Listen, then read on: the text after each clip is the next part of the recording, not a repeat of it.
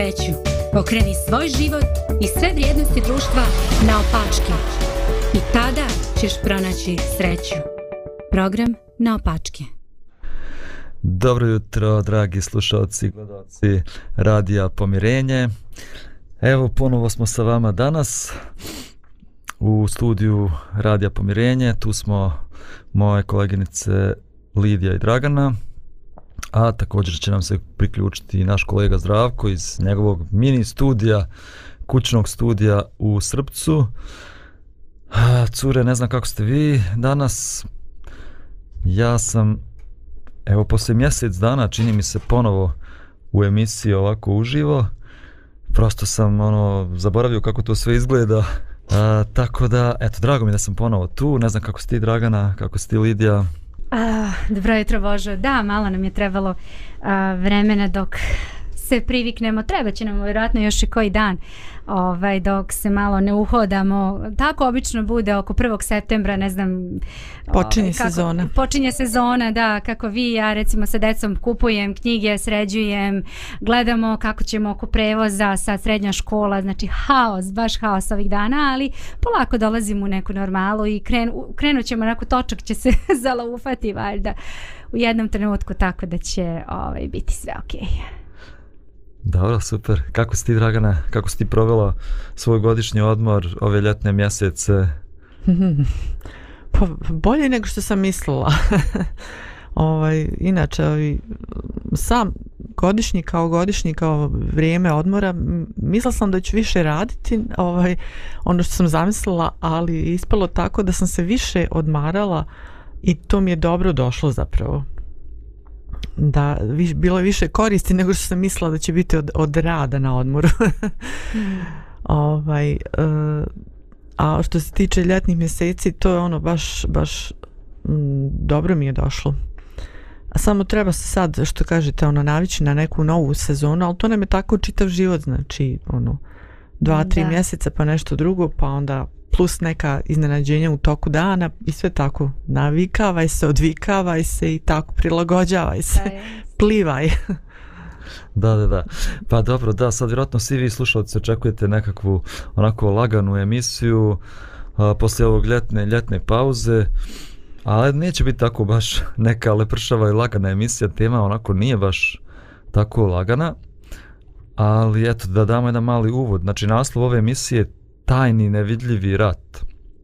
Sad kad god se dogodi neki rat koji je vidljiv, mi pričamo o tome, eto prije koliko, koliko već prošlo od kada je počeo rat u Ukrajini, godinu dana, dvije godine, ne znam nija, pa svi mediji o tome govore, pričaju, a, danas evo ne toliko, poslije godinu dana nekako ljudi svi zaborave, tamo ljudi ginu, ali niko o tome više ne priča, nikog to ne zanima, ali da li smo mi svjesni jednog nevidljivog rata, rata u koji su uključeni svi ljudi koji žive. Pa evo želio bih na početku da pročitam jedan tekst iz Svetog pisma koji govori o tom ratu, a kaže ovako Obucite se u sve oružje Božje, da biste se mogli održati protiv lukavstva džavolskoga, jer naš rat nije s krvlju i s tijelom, nego s poglavarima i vlastima i supraviteljima tame ovoga svijeta – s duhovima pakosti ispod neba. Toga radi uzmite sve oružje Božje, da biste se mogli braniti u zli dan i svršivši sve održati se. Od ovom tekstu nam se govori da ispod površine svih ovozemanskih događanja postoje neke nevidljive stvari, postoji neki nevidljivi rat koji se odvija na ovoj zemlji u životima svih ljudi. Pa ajde možda malo o tome da porazgovaramo. Pošto ja znam da ste vi uh, religiozne osobe, da čitate ove tekstove, da razmišljate o njima, kako vi vidite um, ovo o čemu pričamo, kako vi vidite o čemu govori ovaj tekst u stvari, kakve su to neke nevidljive sile, kako ih ovaj tekst opisuje, kako ih vi vidite u svom životu, kako se taj rat odvija u vašem životu, eto malo o tome danas da popričamo. Mm, da, pa prvo pitanje, pa već jedno od možda onako kompleksnijih. Um, da, znači postoji postoji ta neka uh, duhovna borba koja se odvija. Malo to sad onako zvuči, ne znam, kad ljudi ovaj, slušaju o tome, onako zvuči... Um, poprilično i, i, e, s jedne strane strašno, pa ljudi ne žele o tome da razmišljaju, s druge strane malo nerealistično, e, zato što mi ne vidimo fizički da se tu išta odvija i, i zavisi kako mi, kakav pogled na, na život, na svet, na sve što nas okružuje imamo. Um, ali definitivno da se osjeti da, da, da se vodi neka vrsta borbe da li u nama, da li u ljudima koji su oko nas. Nekad ljudi ove kažu, ma nema tu ničega, tu ja samo odlučujem o tome šta ću i kako ću, ne postoji ništa što je izvan mene i, i, i iznad mene. Ali ako, ako verujemo da postoji Bog koji je stvorio planetu, odmah se nameće pitanje a šta je otkud zlo, otkud sve to.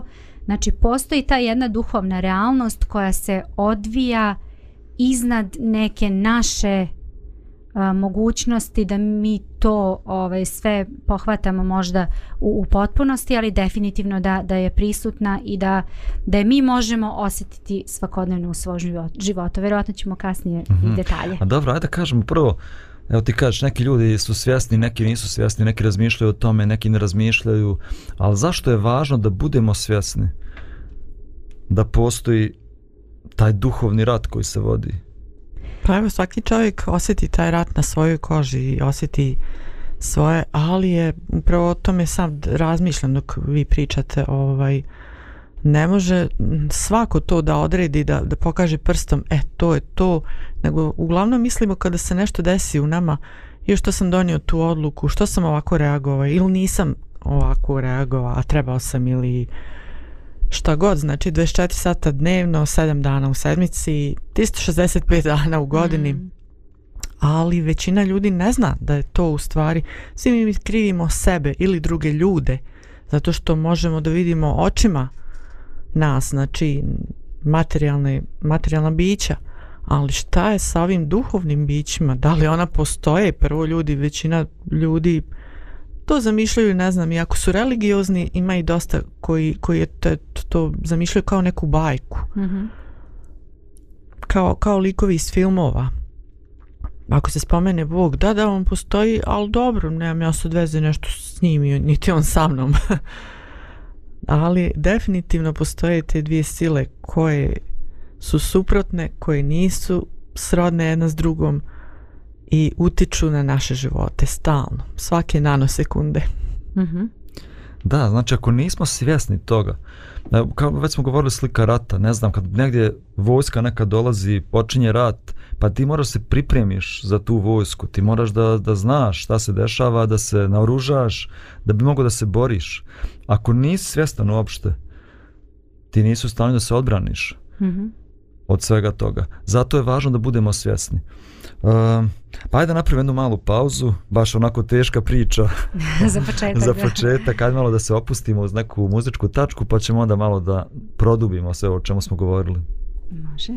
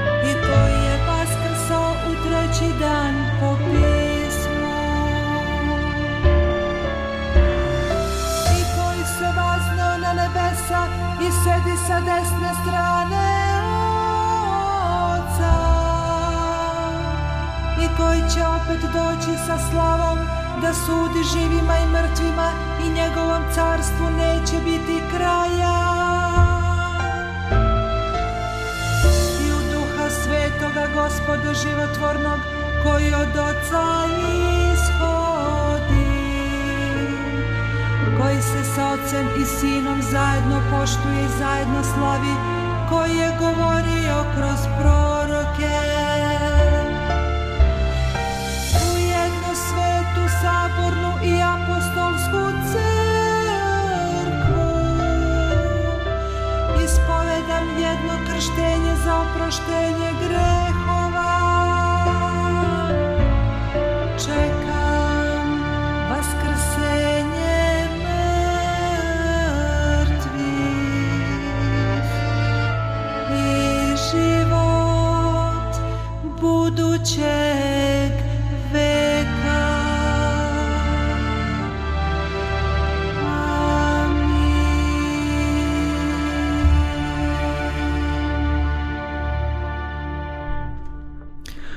Evo nas ponovo uživo u programu. Razgovaramo o jednom nevidljivom tajnom duhovnom ratu koji se vodi u životima svih ljudi, bili oni toga svjesni ili ne. A, također ovaj tekst koji smo čitali nam govori o tim demonskim silama, govori nam o džavolu, o njegovim demonima. Dragana je rekao da ljudi mnogi to ili ne vjeruju ili zamišljaju to nekog rogonju iz onih crtanih filmova ali koliko smo svjesni stvarno djelovanja tih sila u našem životu. E, evo, tri, tri neke stvari su sam ja ovdje izdvojio u ovom tekstu gdje nam se govori da su ove sile moćne. Tu se spominje da su oni upravitelji, poglavari, e, sam Hristos je Sotonu nazvao vladar ovoga svijeta, što znači da te sile su moćne, da imaju moć, da imaju vlast. Pa se onda kaže da su te sile zle, uh, da one nemaju nikakve dobre namjere, da uvijek rade u cilju ostvarivanja njihovih destruktivnih zamisli, uništenja. I treće se kaže su ove sile lukave. I to je meni nekako baš zanimljivo kad gledam svoj život. Da sam mogao da u svom životu vidim da, da su te demonske sile stvarno lukave. Da uvijek mi iskušenje dođe kad sam ja najmanje spreman za iskušenje ili kad sam, kad sam najumorniji, na kraju dana, na izmaku svih snaga, tada dolazi iskušenje, jer nisam u stanju da se oduprem tom iskušenju. I na mnoge druge načine sam mogao da vidim kako su te demonske sile lukave. One ne rade otvoreno da ti vidiš njihovo djelovanje, nego rade tajno, rade lukavo, da potpuno nisi svjestan šta se dešava oko tebe.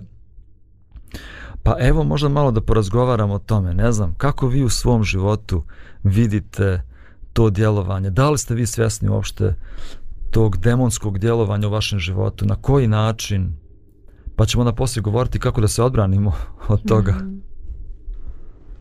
To je sad teško. Znači, da, svjesna. Ja sam svjesna da to postoji, ali da li sam tom konkre konkretnom trenutku svjesna, u toj konkretnoj situaciji svjesna zapravo uh, da jedna od tih sila utiče na nas ljude ili samo ono što mi oči vide znači čovjek koji je predavnom nešto je meni učinio ili sam ja nešto njemu krivo učinila da li samo nas dvoje postojimo i koga da okrivimo onda znači e, to, to je sad e, iskušenje da mi imamo svi svoje odgo odgovornosti to neminovno i svako ima svoje izbore i svi imamo svoju slobodu da u svakoj sekundi uh, izaberemo š, pod čime ćemo hraniti naš mozak, pod kojom ćemo silom biti, kako će ići naše uh, uh, osjećanja čak. Ali ovaj definitivno u podlozi postoje te dvije velike sile koje, koje utiču na nas i sad to, to je teško kad ovako uđeš u neku situaciju um, koga da okriviš, da li za sve da okriviš Sotonu, da upireš prstom u njega, da kažeš on je kriv ili stvarno postoji i odgovornosti čovjeka, da ja sam kriv što sam izabrao uopšte da, da tako ja djelujem i reagujem. To, to je i za mene iskušenje, mislim da sebe okrivim, a i drugog čovjeka, a mogu ja biti tu čista i prava i isto kao on. mm. Ja definitivno osjećam tu borbu svakodnevno u svom životu. Od najmanjih odluka pa i do onih najvećih i, i najkrupnijih odluka. Um, I m, mm, najlakše je kada znamo i otvoreno vidimo ja recimo u nekim situacijama jasno vidim i kažem e sad vidim ovaj, tu, tu drugu silu baš deluje i hoće da me nekako iznervira ili da me uvede u neku priču u koju ja ne želim uopšte da uđem. I onda se ja tu zaustavim i kažem, e nećeš, e sad ćeš da vidiš, sad ću ja ipak da okrenem drugi list i da krenem u drugu stranu i to je to. A, ali postoje neki subtilni načini, znaš, kao u svakom ratu, od, od prvog dana kad, kak, kako se krenulo ovaj, sa ratovima pa do zadnjih dana možda gde je najsavremenija tehnika i subtilnost u, u samom ratovanju um, postojele su te neke um, te neki sistemi kako da pobediš svog neprijatelja a mi smo definitivno neprijatelji toj sili i a, tu najveći problem imam znači kako da se oduprem kada kada čak i ne vidim i ne osetim i tek posle kad shvatim da da sam odreagovala ili uradila nešto što nije kako treba, onda se posle kajem i vraćam se i mislim se pa kud ja to tako, a trebalo je drugačije. Kako nisam mogla da budem svesna da, da, da ne trebam da, da odreagujem na određen način. Uh mhm. -huh. Da, uh, dobro, ja ne želim danas da mi zvučimo kao da vidiš ono kaže đavola u svakom žbunu. Ovaj, da. da, mnogo toga u životu mi sami smo krivi i mi sami e, donosimo odluke u svom životu, ali ipak postoji uticaj ili Božje sile u našem životu, Božjeg duha, Božjeg prisustva ili te demonske sile u našem životu. Uh, kako te sile uopšte mogu da djeluju u našem životu. Evo, govorit ćemo i o tome i kako im dopuštamo da one djeluju u našem životu. Ali evo, možda prije toga, evo, par primjera. Uh, ja sam govorio kad sam umoran. Evo, nekad mi se to dešavalo uh, da ono naveče mrtav umoran dođem kući onda otvorim mail i tamo mail neki stigne mi mail neke uh, sa nekom sadržinom pornografskom ili tako nešto uh, Zašto to došlo u 11 sati na večer, ne u 11 sati ujutro? Zašto nikad mm. to ne mm. dođe ujutro, nego uvijek dođe na večer? Mislim, to su tako neke stvari. Uh, juče sam razgovarao s jednim čovjekom, pošto i vodim tu grupu podrške za zavisnike, i on mi govori kako je ranije bio normalna osoba, ali upleo se u taj svijet pornografije. I evo već dve godine ima određena homoseksualna iskušenja, misli mu dolaze u um, a, e, to mu je postalo privlačno i on mene pita da li sam ja to postao? Mm. Ja, mu, ja mu baš govorim o toj borbi između te dve sile i govorim mu ti nisi, ti nisi to u svojoj prirodi, u svojoj srži, ti nisi to, ti si normalna osoba, ali jednostavno dopustio si da određene misli, slike, misli uđu u tvoj um, uh, i da to za tvoj um postane potpuno normalno, čak ti osjećaš da je to nešto privlačno za tebe. To su neki nevidljivi načini kako te demonske sile djeluju u našem životu, a da mi toga uopšte nismo svjesni. Ali na neki način smo otvorili vrata i dopustili im da, da djeluju na naš um. Pa evo možda da, da postavimo i ovo pitanje. Gdje se vodi taj rat? Ja sam sad već malo i dao i odgovor. Da, pa definitivno u umu od, od, od misli sve počinje, uglavnom, uglavnom. Znači ti razmišljaš o nečemu pa onda kažeš pa možda bi moglo, pa onda znaš, kreneš polako da planiraš, da razmišljaš.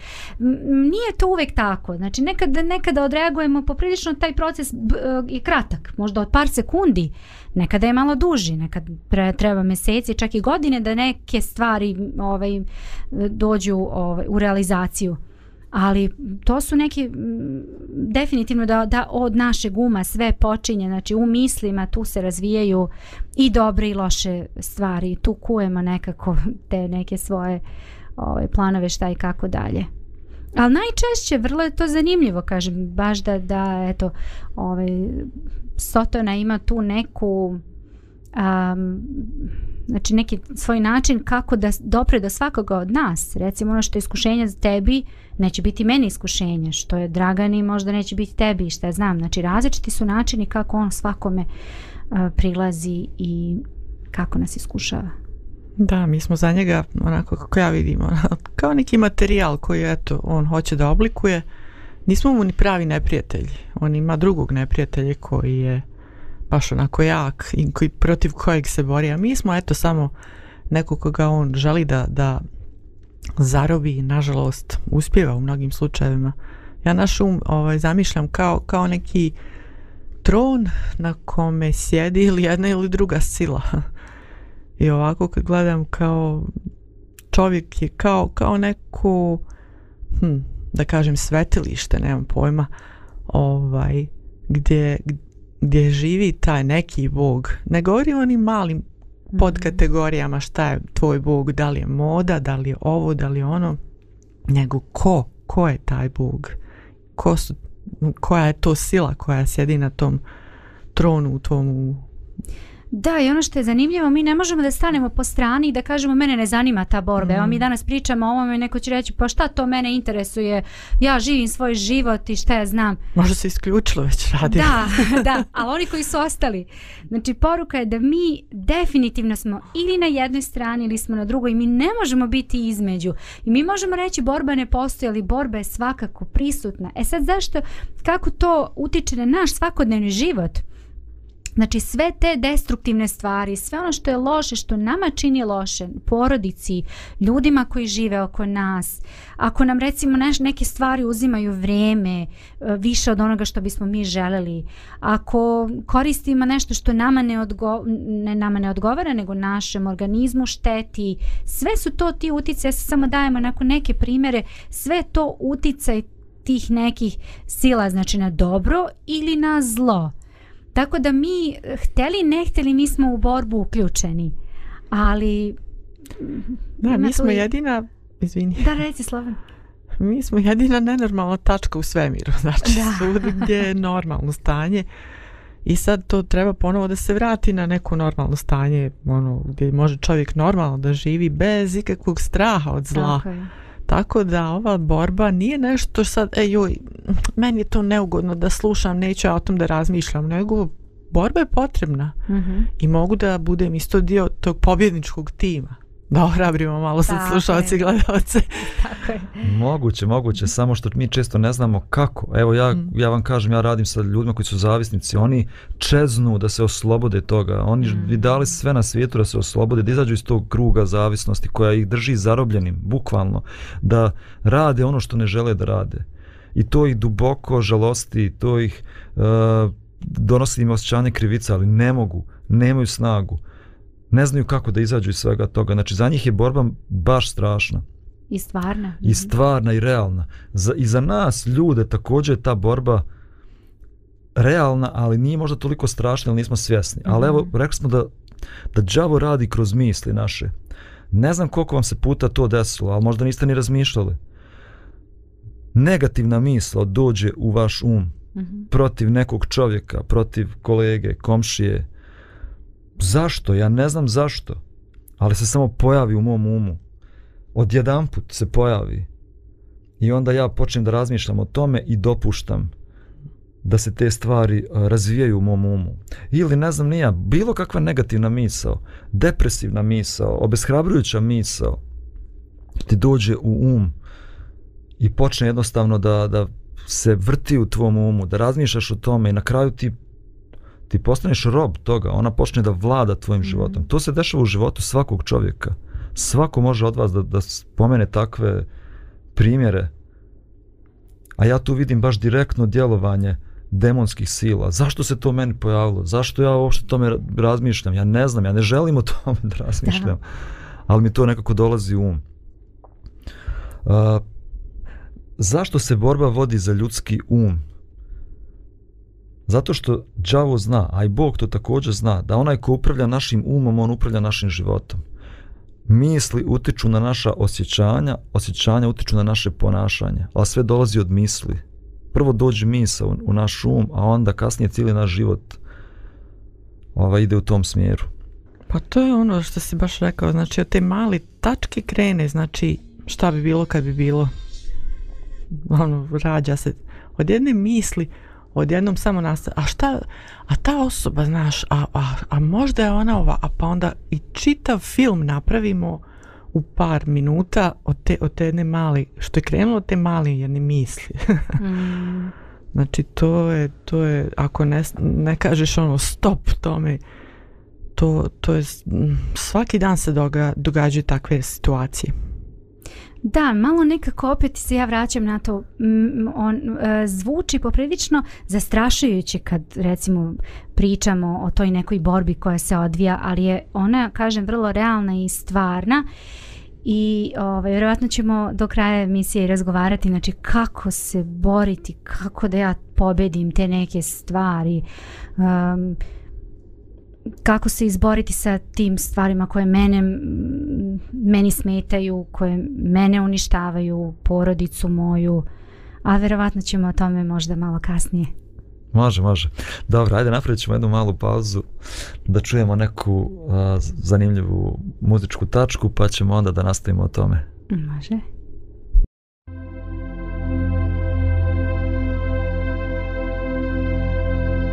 Sve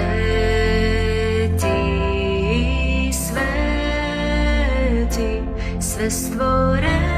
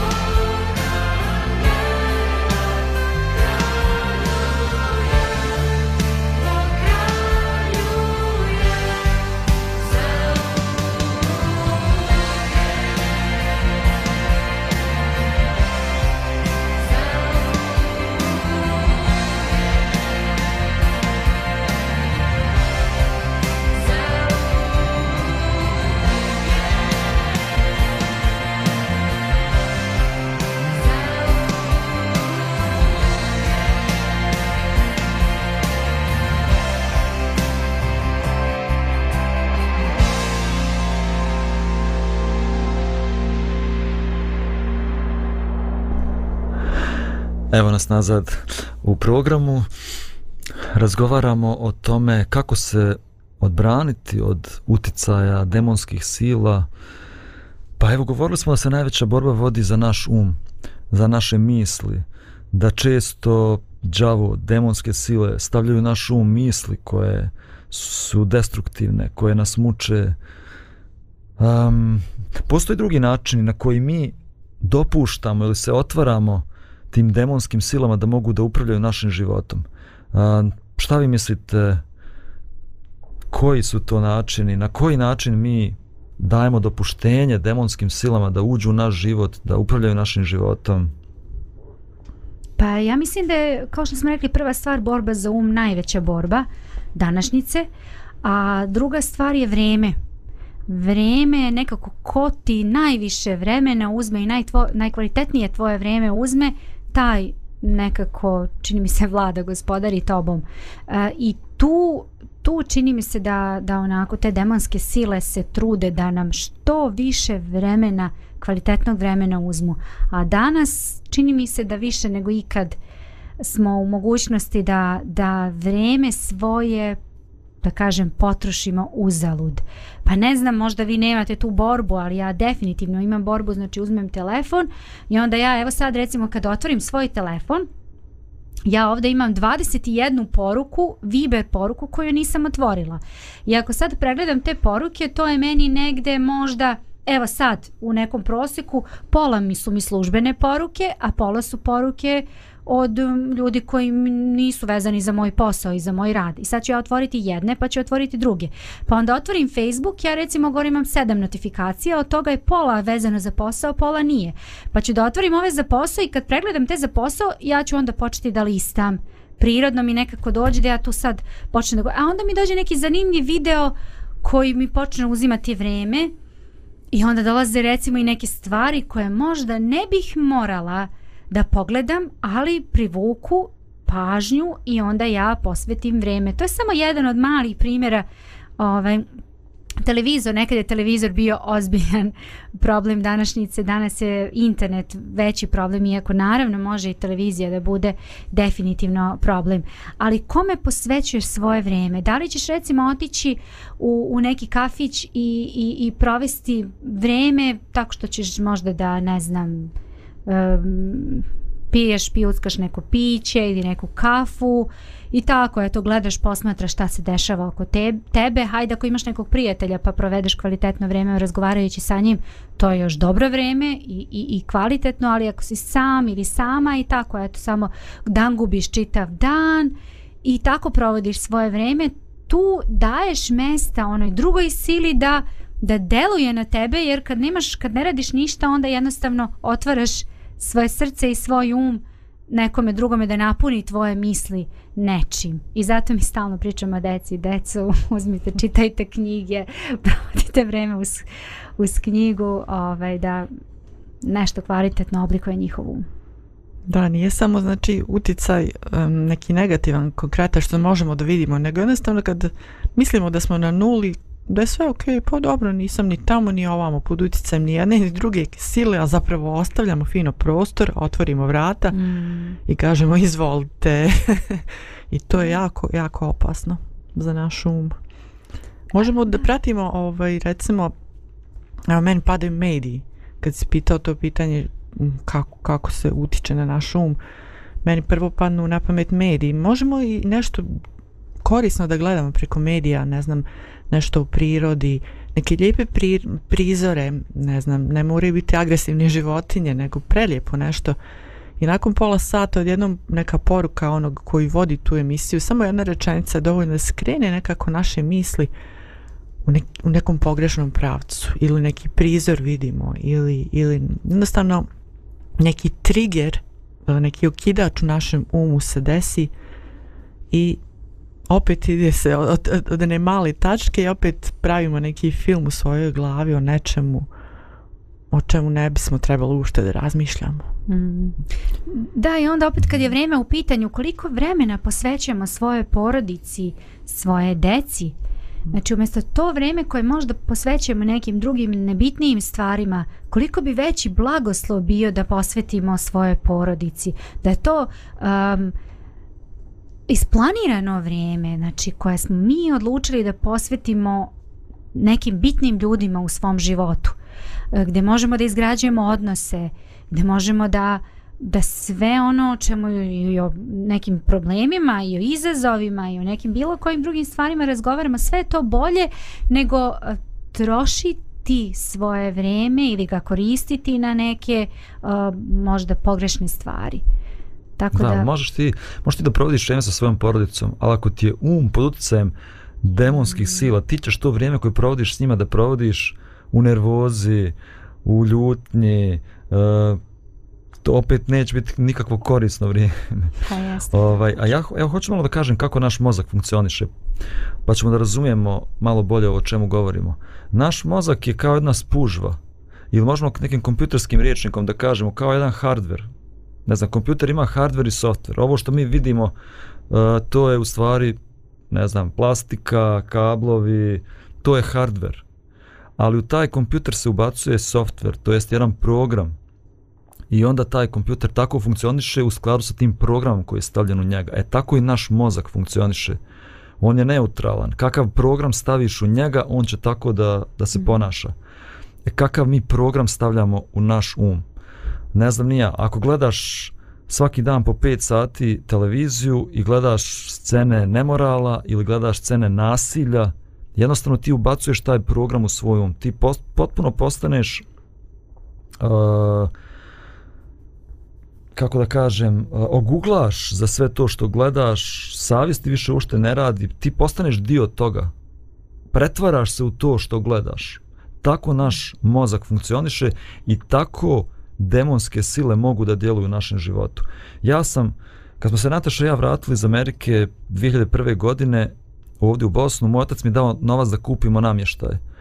I mi smo kupili namještaj i potrošili sve pare i nismo kupili televizor. I kažem ja Nataši, pa ajde od prve plate kupit ćemo televizor. I mjesec dana nismo imali TV.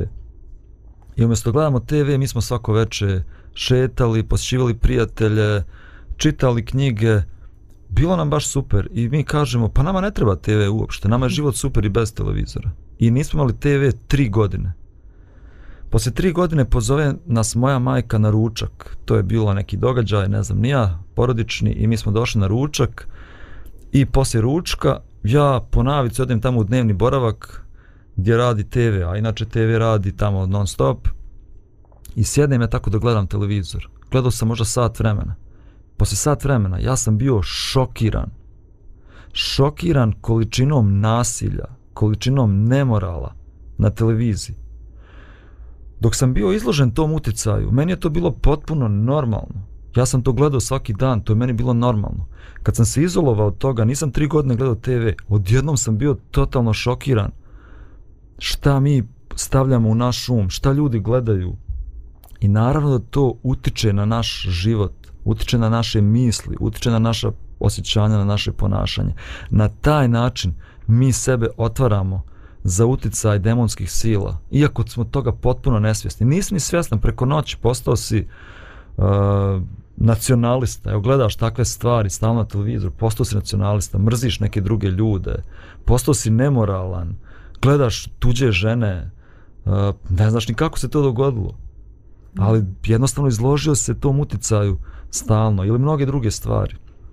Kao no. ljudi što, izvini, mm -hmm. pada mi na pamet misla, znači mm -hmm. kao čovjek koji stanuje, u, živi u nekom gradu sa zagađenim vazduhom i ne primjećuje, udiše to svaki dan 24 sata dnevno i kad spava i kad ne spava, znači i mala djeca i starci, svi, ali kad odeš, to kažeš, na tri godine negdje u prirodu, uh, uh, u brda neka i vrati se ponovo u taj grad, ono, oh, još šokiran, ono počne da kašlje, ja šta, ba zar je moguće da sam ja udisao?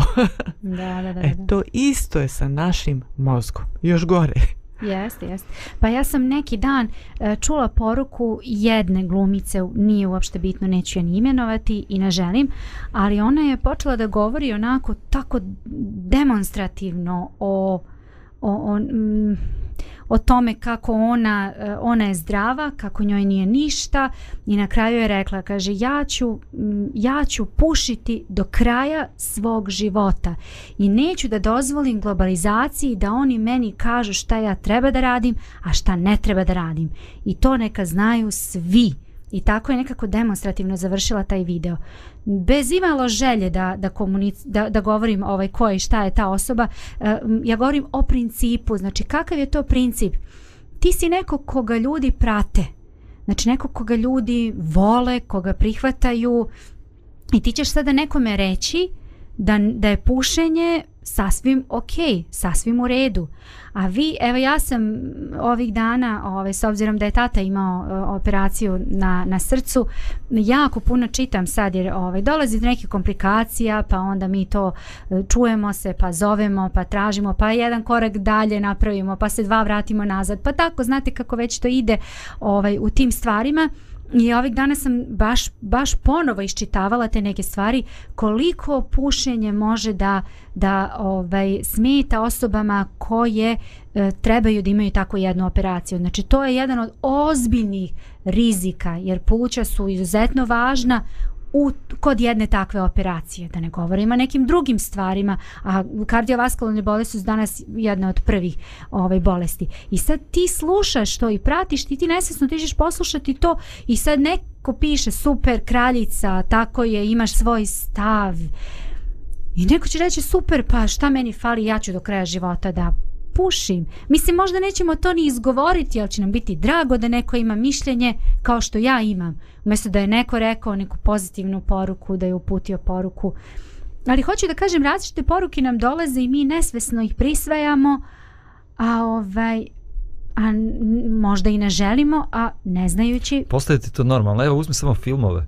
Ne znam, evo, zadnjih deset godina u filmovima homoseksualnost je potpuno normalna. Tako Čak ne je. samo da je normalna, nego uh, taj homoseksualni par, oni su najbolji likovi u tom filmu. Yes. Oni su puni ljubavi, oni su puni dobrote. Ovi drugi se svađaju, rasturene porodice, ali ne ova dvojca, njih dvojca su ova idealan. Hmm. Idealan par. I to tako pogledaš jedan put ti se šokiraš, čekaj, ovo, ovdje nešto nije u redu, ali pogledaš to hiljadu puta, tebi to postane potpuno normalno.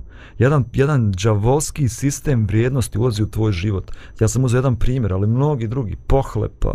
Evo mi ovdje, nacionalizam, mm.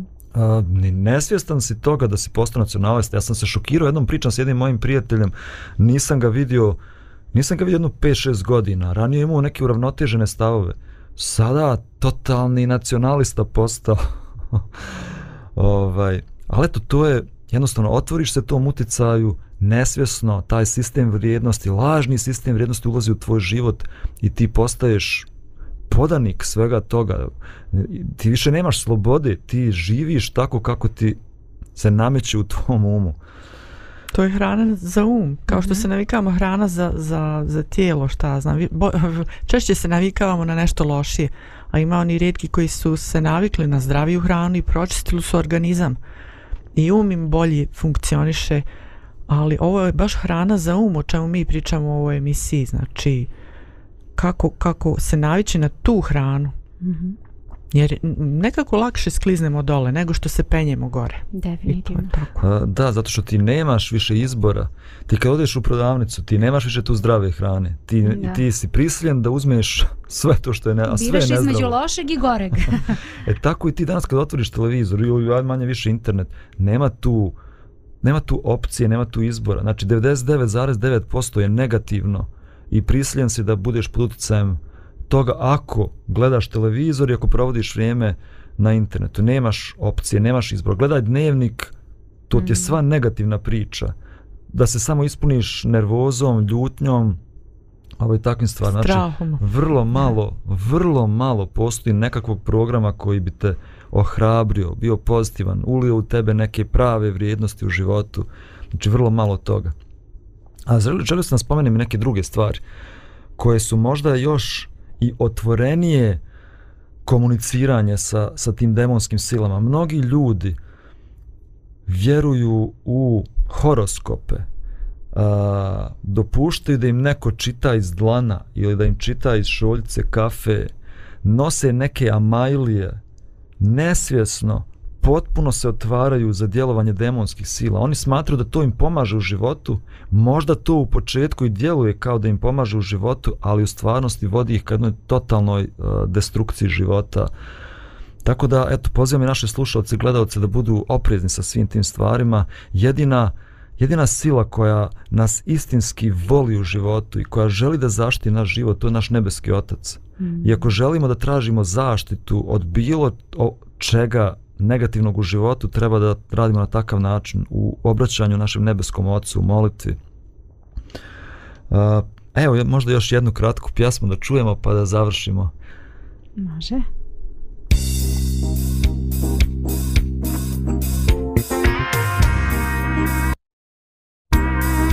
Radio Pomirenje.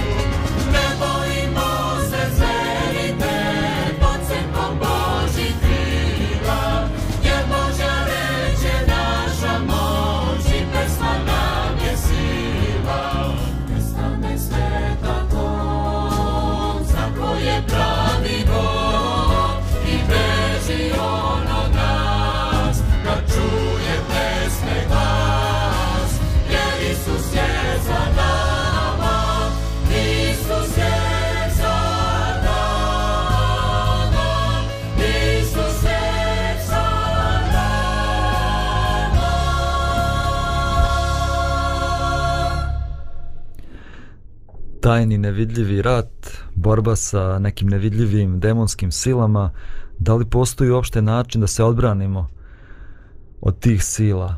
Kako da se borimo? Tamo onaj tekst na početku koji smo čitali kaže obucite se u sve oružje Božje da biste se mogli odbraniti od nečastivoga i od ovih sila.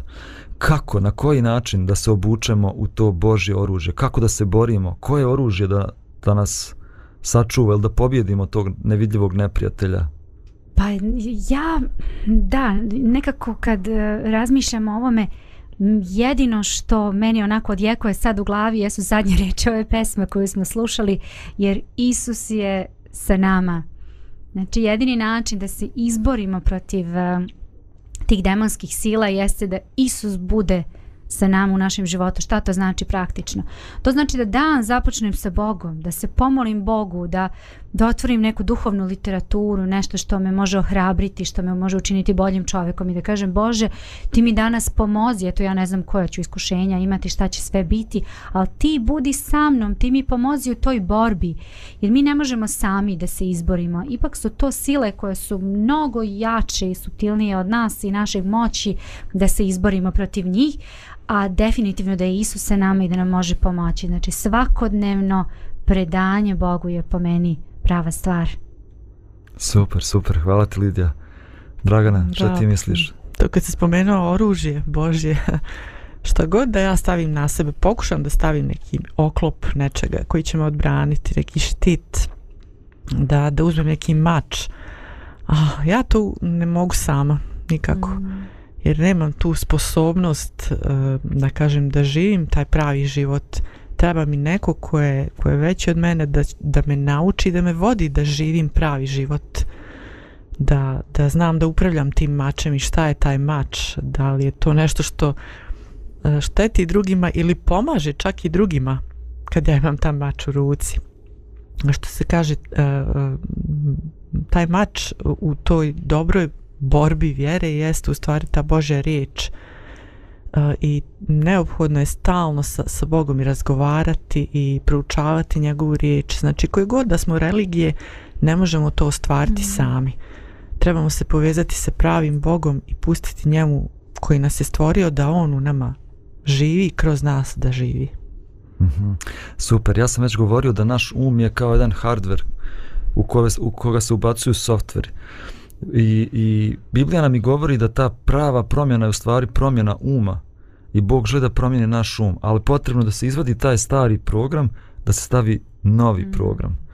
A, mi smo bespomoćni u tome, mi ne možemo sami sebe da promijenimo, mi ne možemo ni naše misli da promijenimo, ali Bog može da mijenja naš um, da stavlja nove programe. A to se radi na način kao što je Lidija i rekla, da zatvorim se za uticaj ovih loših sila, ne dopuštam da gledam e, programe, emisije, YouTube kanale koji će da vrše na mene negativan uticaj. Zatvorim se potpuno za to, a otvorim se za pozitivan uticaj, kao što Lidija rekla. Svakog dana, svakog jutra provedem vrijeme sa Bogom, svakog jutra čitam njegovu riječ, ispunim se tim ohrabrujućim mislima, riječima, pozitivnim vrijednostima i onda tražim u molitvi od Boga snagu uh, da mogu da živim na takav način. Tražim od Boga zaštitu, da me zaštiti od svih tih iskušenja, svih tih demonskih sila u životu.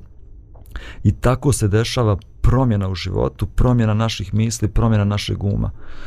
Evo, vrijeme je polako i da za, privedemo kraj ovu našu emisiju. Ja, ja želim da imamo još jednu emisiju ko, ko, ko ćemo govoriti malo još detaljnije o svemu ovome, ali evo za danas bez obzira a, s kakvim problemima se mučite u životu, bez obzira kakve sile upravljaju vašim životom, bez obzira kakve misli imate u vašem umu, Bog želi da vas očisti od svega toga, da vam da novo srce, novi um, da budete novi ljudi koji će živjeti životom ljubavi, dobrote i mira svakoga dana. Pozdravljamo vas, želim vam lijep i uspješan dan i vidimo se i slušamo se ponovo sutra. Thank you.